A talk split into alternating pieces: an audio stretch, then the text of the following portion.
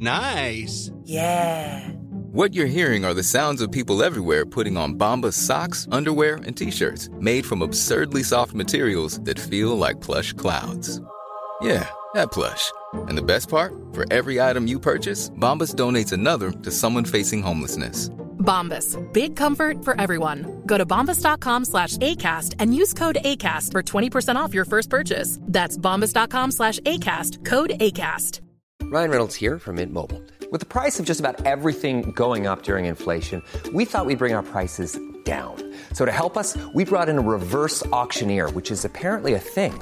Mint Mobile unlimited premium wireless. Ready to get 30, 30, bit to get 30, bit to get 20, 20, 20, bit to get 20, 20, bit to get 15, 15, 15, 15 just 15 bucks a month. So, Give it a try at mintmobile.com slash switch. $45 upfront for three months plus taxes and fees. Promo rate for new customers for limited time. Unlimited more than 40 gigabytes per month. Slows. Full terms at mintmobile.com.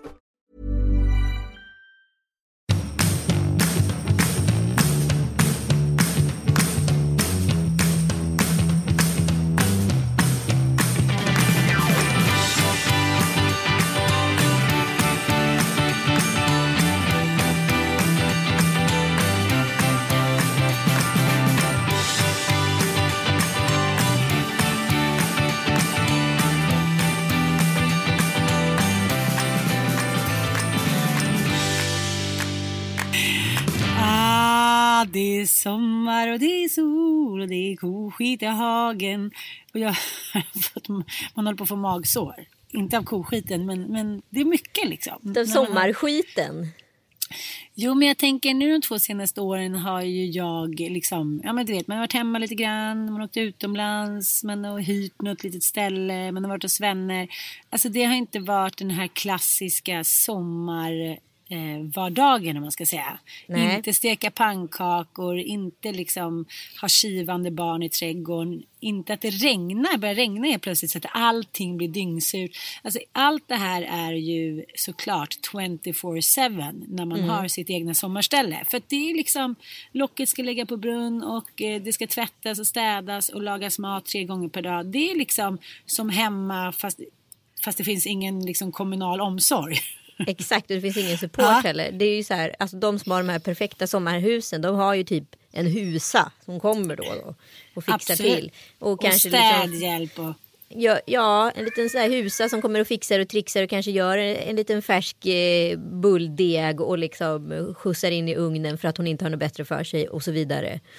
Eh, ja, nej men jag säger det. Sommar det, och lantliv det är ju väldigt eh, fint i tanken, inte lika vackert i verkligheten.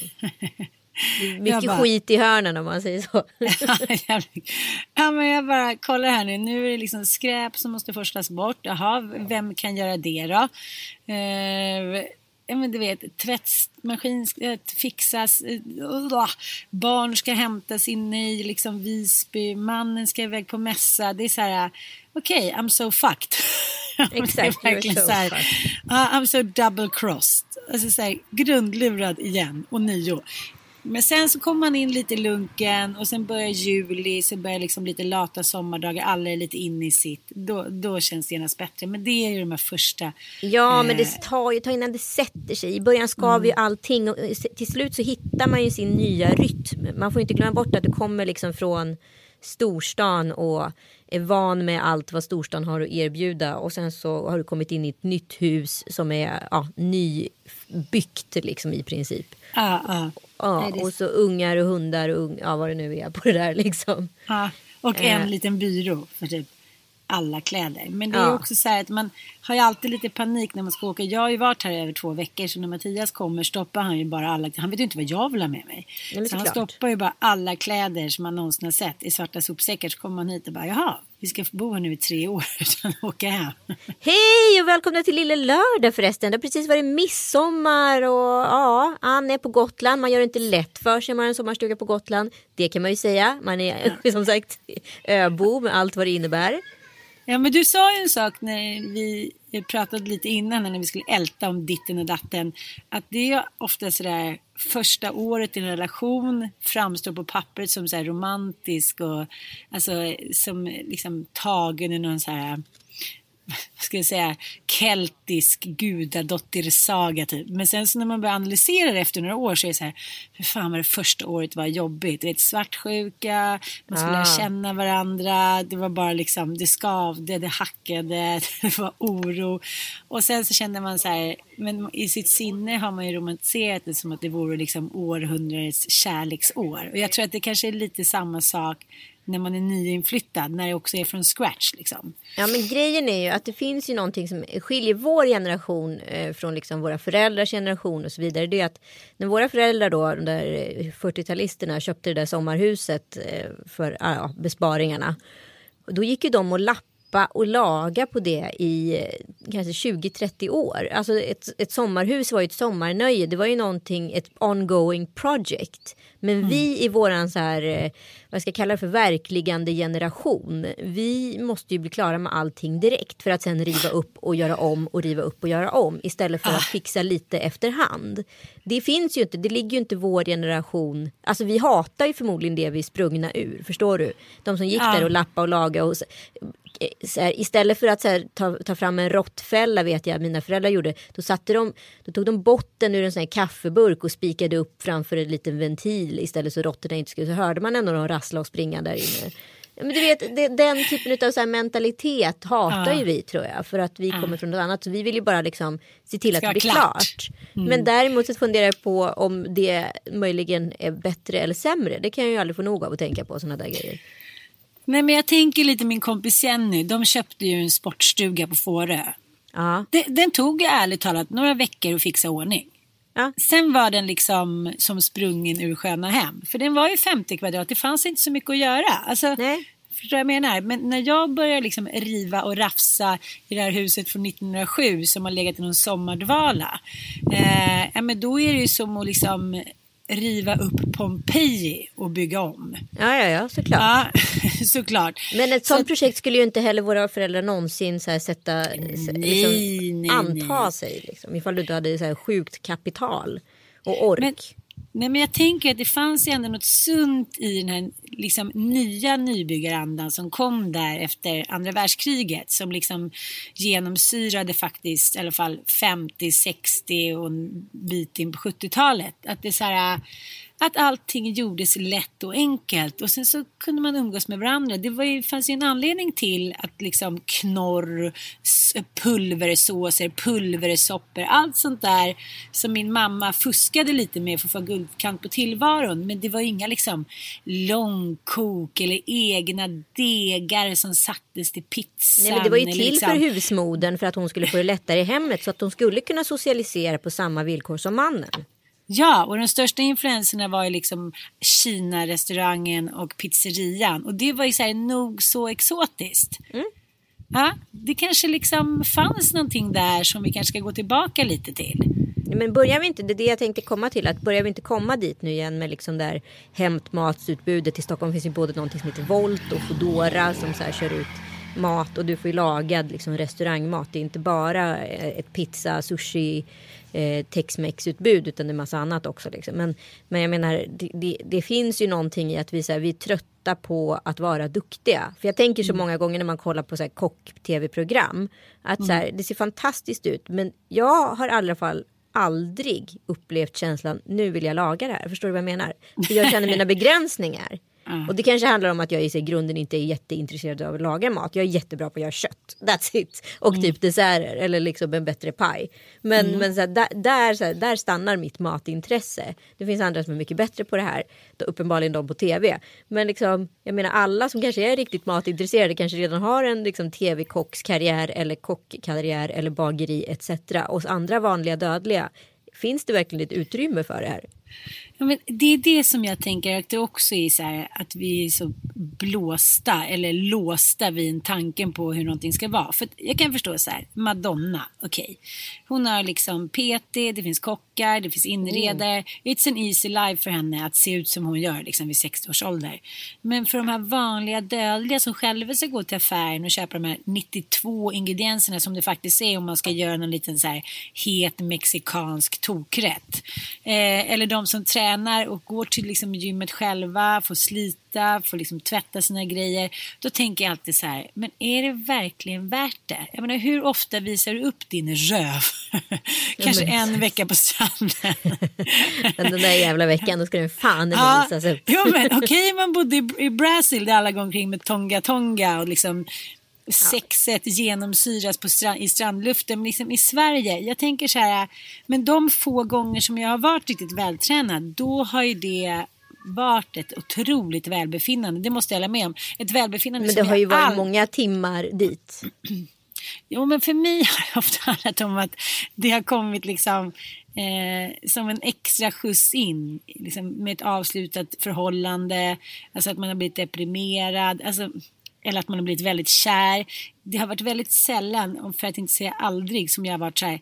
Nu ska jag bestämma mig. Jo, det var när jag skulle vara med i Kändisdjungeln och var så här halvfläbbig Då efter kom det igen. Dante. Alltså, jag kan säga att var tionde podd nämns kändisdjungeln. Den har varit epokavgörande för mitt liv. Det måste vara det Men- största du har gjort om. det är milstolpe.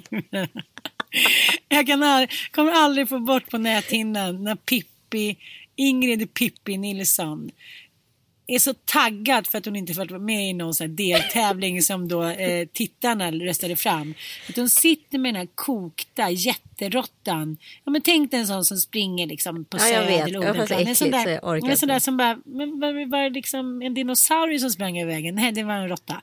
Eh, en sån sitter hon och äter med så friskt liksom, humör att det bara så här fragglar ner så här, skinn och slamsbitar och svansar ur hennes mun så till slut får liksom inspelningsledaren säga stopp. Alltså Nej, sluta ät. Du har gjort tillräckligt. Stackars Men då, då gick jag i alla fall in till den här petningen och sa så du har fem veckor på dig, sen ska jag så här, look like eh, Beyoncé. Ungefär. Så det var hans problem, inte ditt. Som vanligt. Ja, ja men, men det var då jag kände så här, vad lätt det är att bli förälskad i den typen av människor som räddar en. Och det spelar ingen roll om de räddar en från en fläbbig kropp eller från så här, en ond man eller liksom Nej, men det är som att du säger, jobb.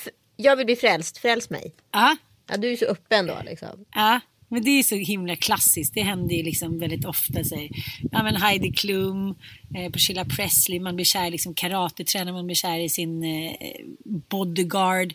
Jag förstår det, det är en känsla av trygghet att det finns någon som bara är där för dig. Och det är det som jag tror gör att man blir så himla liksom förälskad i början. Att den människan ser bara dig. Fast det där tycker jag, är, för mig är det där fortfarande den, det märkligaste jag varit med om. För att jag har tränat med typ tre manliga PTs. Och ingen utav dem är ju... Alltså jag bara säger, vad skulle vi ha för liv utanför det här PT... liksom, den här PT-sektionen. Du skulle liksom äta väldigt specifik mat och träna väldigt mycket. Och du skulle förmodligen störa dig på mig för att jag är alldeles för lat. Ja, ja. Vi skulle aldrig hitta en balans i vårt liv. Jag tycker att det är den största myten. Men du menar att det finns vissa män som vi måste ha på vår no-no-lista?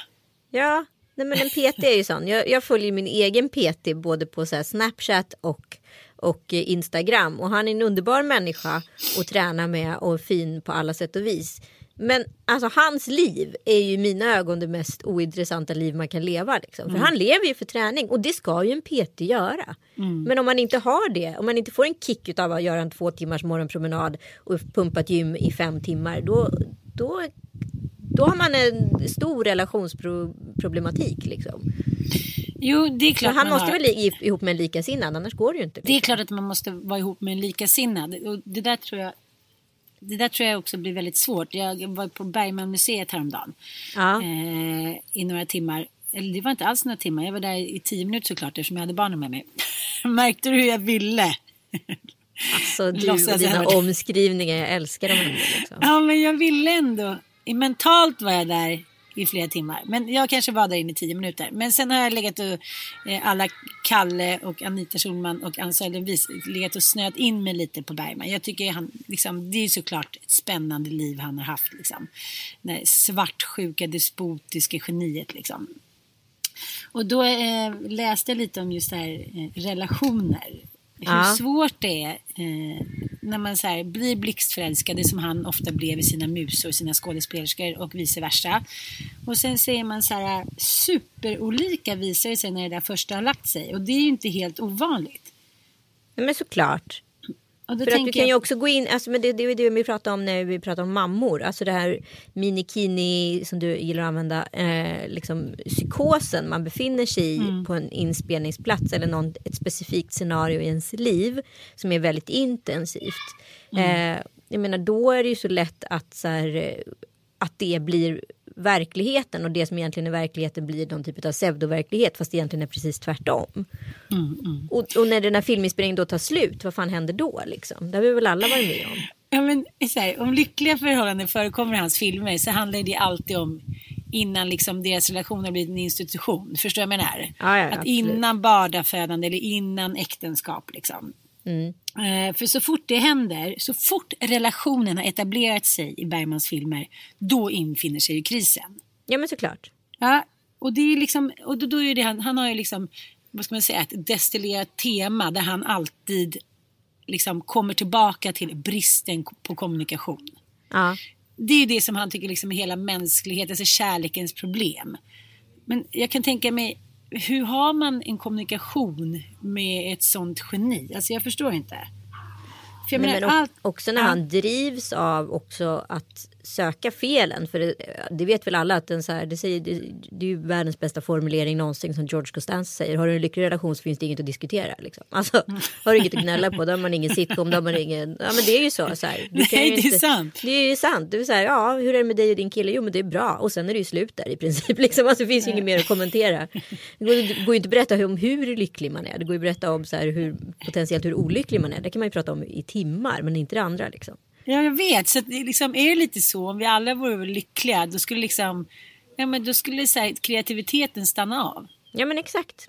Så man, man drivs ju av olycka och jag menar en sån person som Bergman som nu ska inte jag våga säga tillskriva honom x antal diagnoser men det är klart att det kanske inte var helt oproblematiskt där alla gånger. Liksom. Nej men att han hela tiden måste söka det här drivet i att eh, söka de här kvinnorna, bli förälskad i de här kvinnorna han gjorde filmer med. Men också tror jag att han trodde att han var exceptionellt potent och han var ju det fram till en viss ålder. Eh, jag, jag känner en karaktär som är jag känner en skådespelerska som har gjort en film med honom och då var ju han ändå på ålderns höst. Och, han sa, och då kom eh, den här skådespelerskans eh, kille på besök eh, på inspelningsplats. Och så kom han fram till henne efteråt och sa så här. Du, eh, jag tror, hoppas inte din kille tog illa vid sig att jag hade armen om dig när vi pratade igenom den där scenen. Som att han hade en chans, förstår du? Och då måste han ju ändå ha varit 77 plus. Ja men exakt. Ah, ah. Det är otroligt roligt.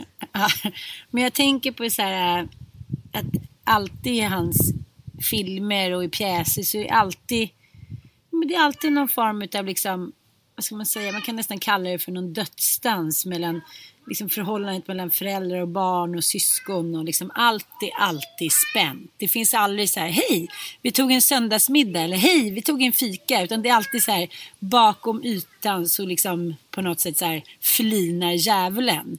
Och så har man tänkt på det när man var yngre och såg den här filmen. Tänkte, gud vad allt är överdramatiserat. Så här. Det är väl bara så här, ens föräldrar. Men det är väl liksom, de kommer man ju älska hela livet och det kommer aldrig bli något problem. Och sen så skaffar man egen familj och åren går och så inser man så här, för fan vad han hade rätt. Det är alltid liksom något spänt djävulusiskt grin som liksom lurar runt hörnet.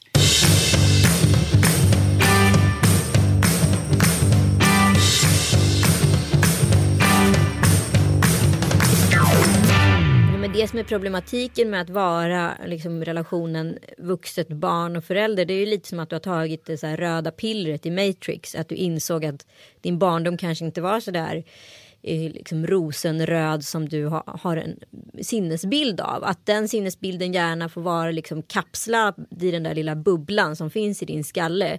Men helt plötsligt så börjar du liksom se små, små sprickor i den där bubblan och det är då det börjar bli jobbigt. Liksom mm, mm det, alltså det händer ju, det är två liksom variabler som ställer till det. Det är ju dels att så här, du inser att där, den där dialogen eller den där situationen etc. inte egentligen såg ut så. som du upplevde det då och du förstår varför. Det är nummer ett. Nummer två är att dina föräldrar också så här börjar bli till åren.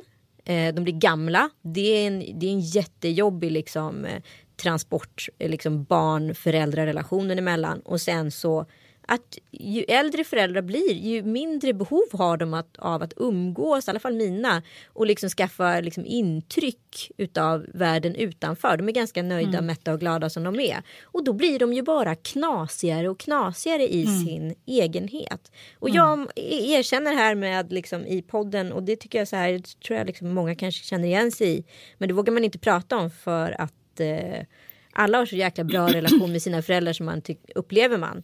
Men jag har verkligen en jättedålig relation med mina föräldrar och har haft det under väldigt många år. För de är i grunden eh, djupt ointresserade av allt som inte har med dem själva att göra. Men när ni träffas eller när ni pratar i telefon, är inte det, det så här, de första klassiska liksom, frågorna man ställer? Hej, hur är det? Hur går det på jobbet? Nej. Hur är det med barnen? Hur mår du? Alltså, Nej. Det är så här, Min mamma går kaching, rakt kaching. in i ett samtal Eh, och berättar om sina egna åkommor. Eh, mm. Från krämpor till att hon har varit på ICA eller vad hon nu har gjort. Och sen så eh, älgar hon på helt enkelt och pratar om sig. Och när hon känner att hon har tömt sig eh, så vill hon helt enkelt avsluta samtalet. Eller så avslutar jag det för att jag inte orkar lyssna längre. Genom att säga ja men vi får höras längre fram, hej då. Eller vi hörs om en vecka eller så.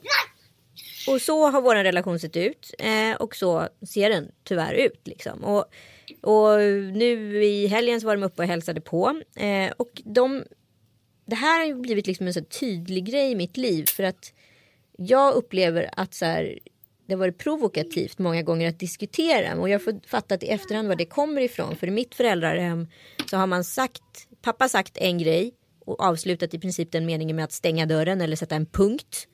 Och mamma har svarat eh, responderande ja eller nej, oftast ja, eh, på det. Och sen så vill jag då diskutera eller argumentera varför jag tycker att han har rätt eller fel. Då bråkar jag.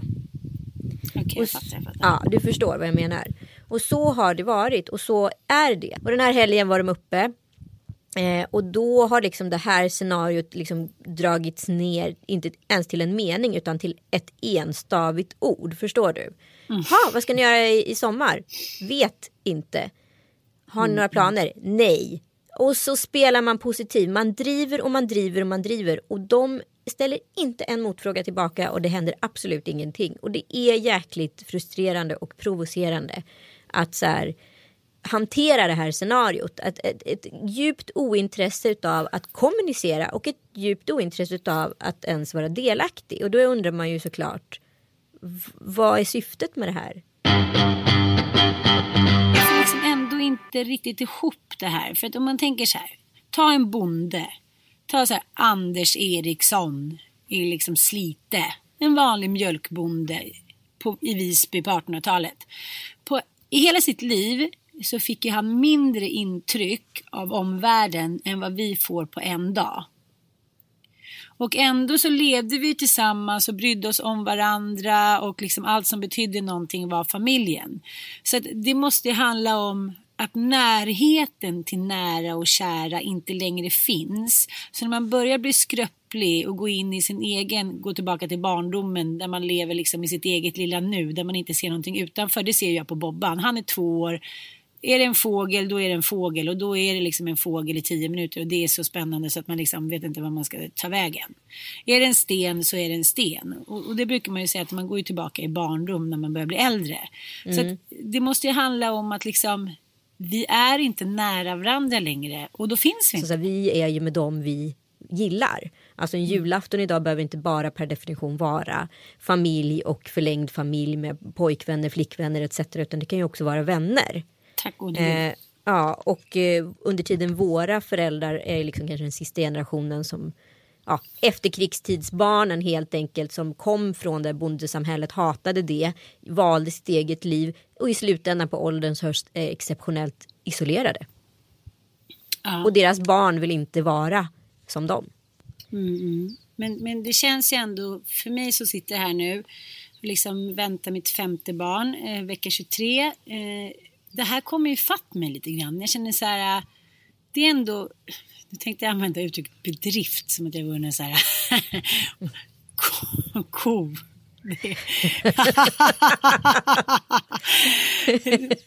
Ska inte du måla en tavla till mig med en ko? Eh, nej, men jag känner ändå så här, det tär ju ändå på liksom. Det märker man inte minst när man går in i nya bonusfamiljer och liksom man försöker hela tiden så pussla, man försöker hela tiden så här, hitta den gyllene medelvägen, alla ska må bra. Jag menar, det är ju inte så här Ingmar Bergman som sätter mig ner och surar i ett hörn. Så är det ju inte. Det funkar ju inte när man är mamma, även fast det är år 2016. Nej, men min pappas sätt att problemlösa det är att gå därifrån, åka hem och liksom göra en scen och liksom mm. lämna. Han tar ju aldrig konflikten och inte mm. heller behöver utsättas för den. Under tiden vi är vana med att kompromissa och lösa, diskutera och prata och gå vidare. Mm. Så funkar ju inte en äldre generation. Nej, jag vet och det är därför det känns så här. Men så tänker jag så här att man kanske bara skyddar sig med att det är en generationsfråga. Det kanske blir samma sak för mig och mina pojkar. Och liksom, då känns det så här, okej, okay, allt detta slit och så vill man ändå ha lite så här, så här italiensk Big Madre som vill sitta på sin tron och sen så bara bråkar man med alla barn. Det får liksom inte bli så. Det är därför jag tänker också att den här gården Eh, ja, det är ju upphov till en arvstvist som heter ja, duga. Jag vet. Jag tänkte på det häromdagen. Jag bara, men är du dum i huvudet? Vill du? Efter allt du har kämpat för att de ska liksom hata varandra. För det händer ju.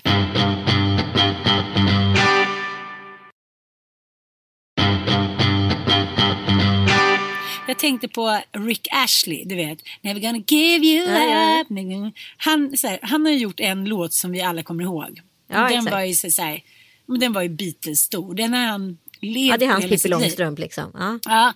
Och så läste han en intervju med honom och så sa han så här, ja men eh, det har varit ganska tyst om dig. Nu kommer han med en han slog igenom när han var 27 men never gonna give you up. Och sen har man inte hört så mycket och nu fyller han 50 och eh, liksom släpper en skiva och den spelas ganska mycket. Han har en dotter.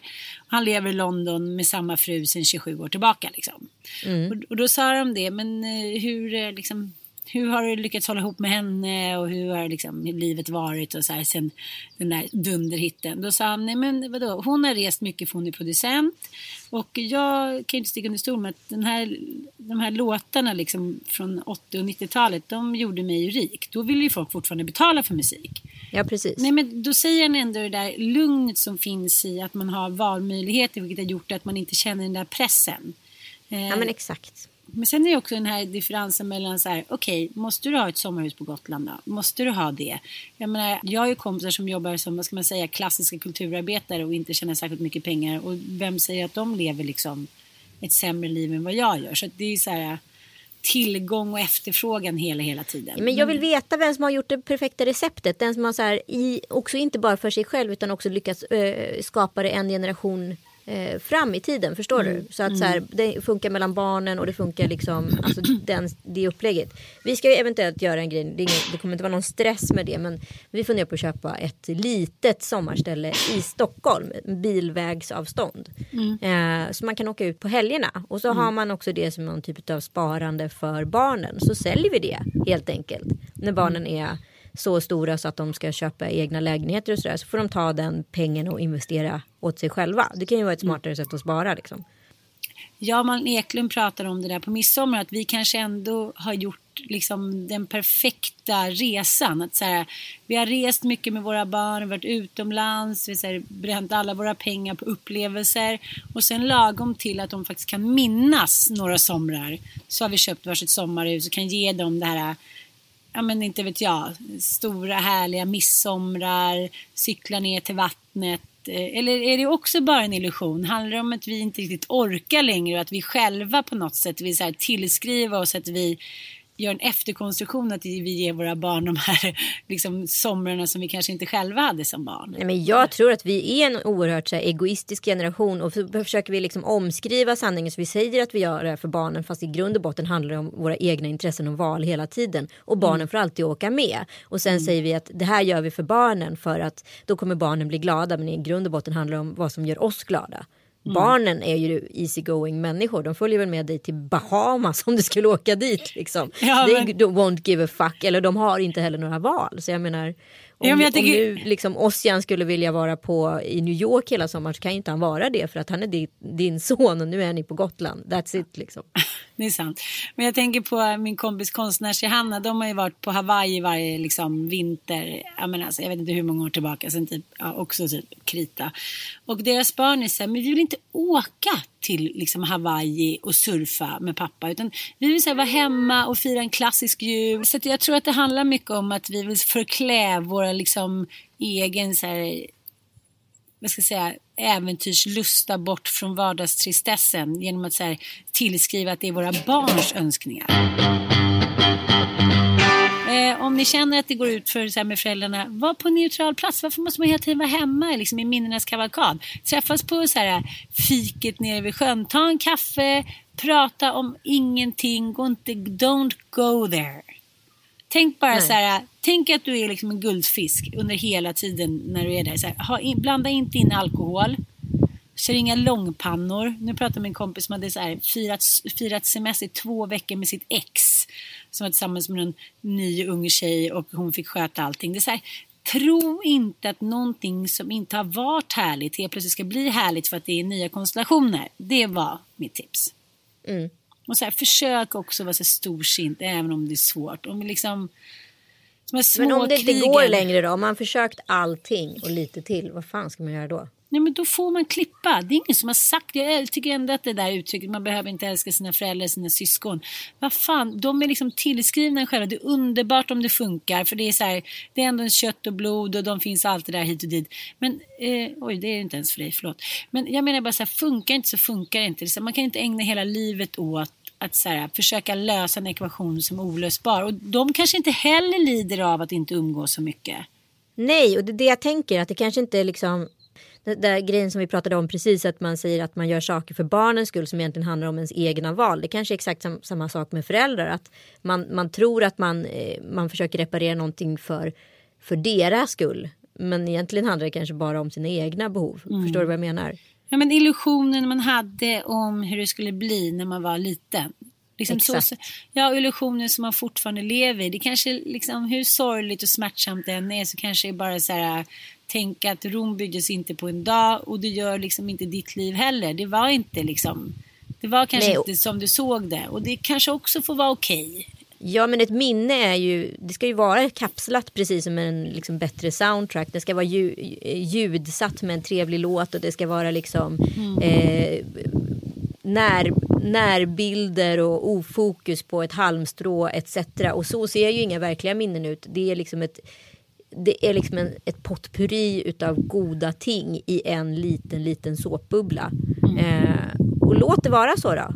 Och Kanske får försök vara lite mer krass. det. Nej? Ja, och så får man så vara glad åt det som är bra. Exakt. Med det avslutar vi Lillelördag. Puss puss. Puss och kram.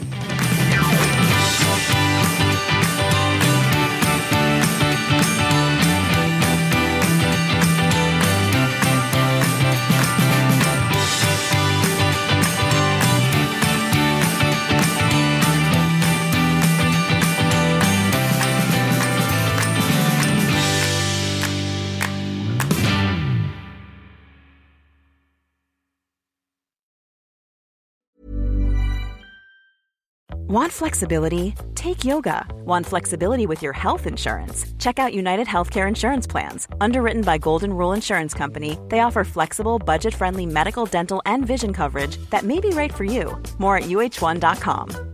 Normally, being a little extra might be a bit much, but not when it comes to healthcare. That's why United Healthcare's Health Protector Guard fixed indemnity insurance plans, underwritten by Golden Rule Insurance Company, supplement your primary plan so you manage out of pocket costs. Learn more at uh1.com.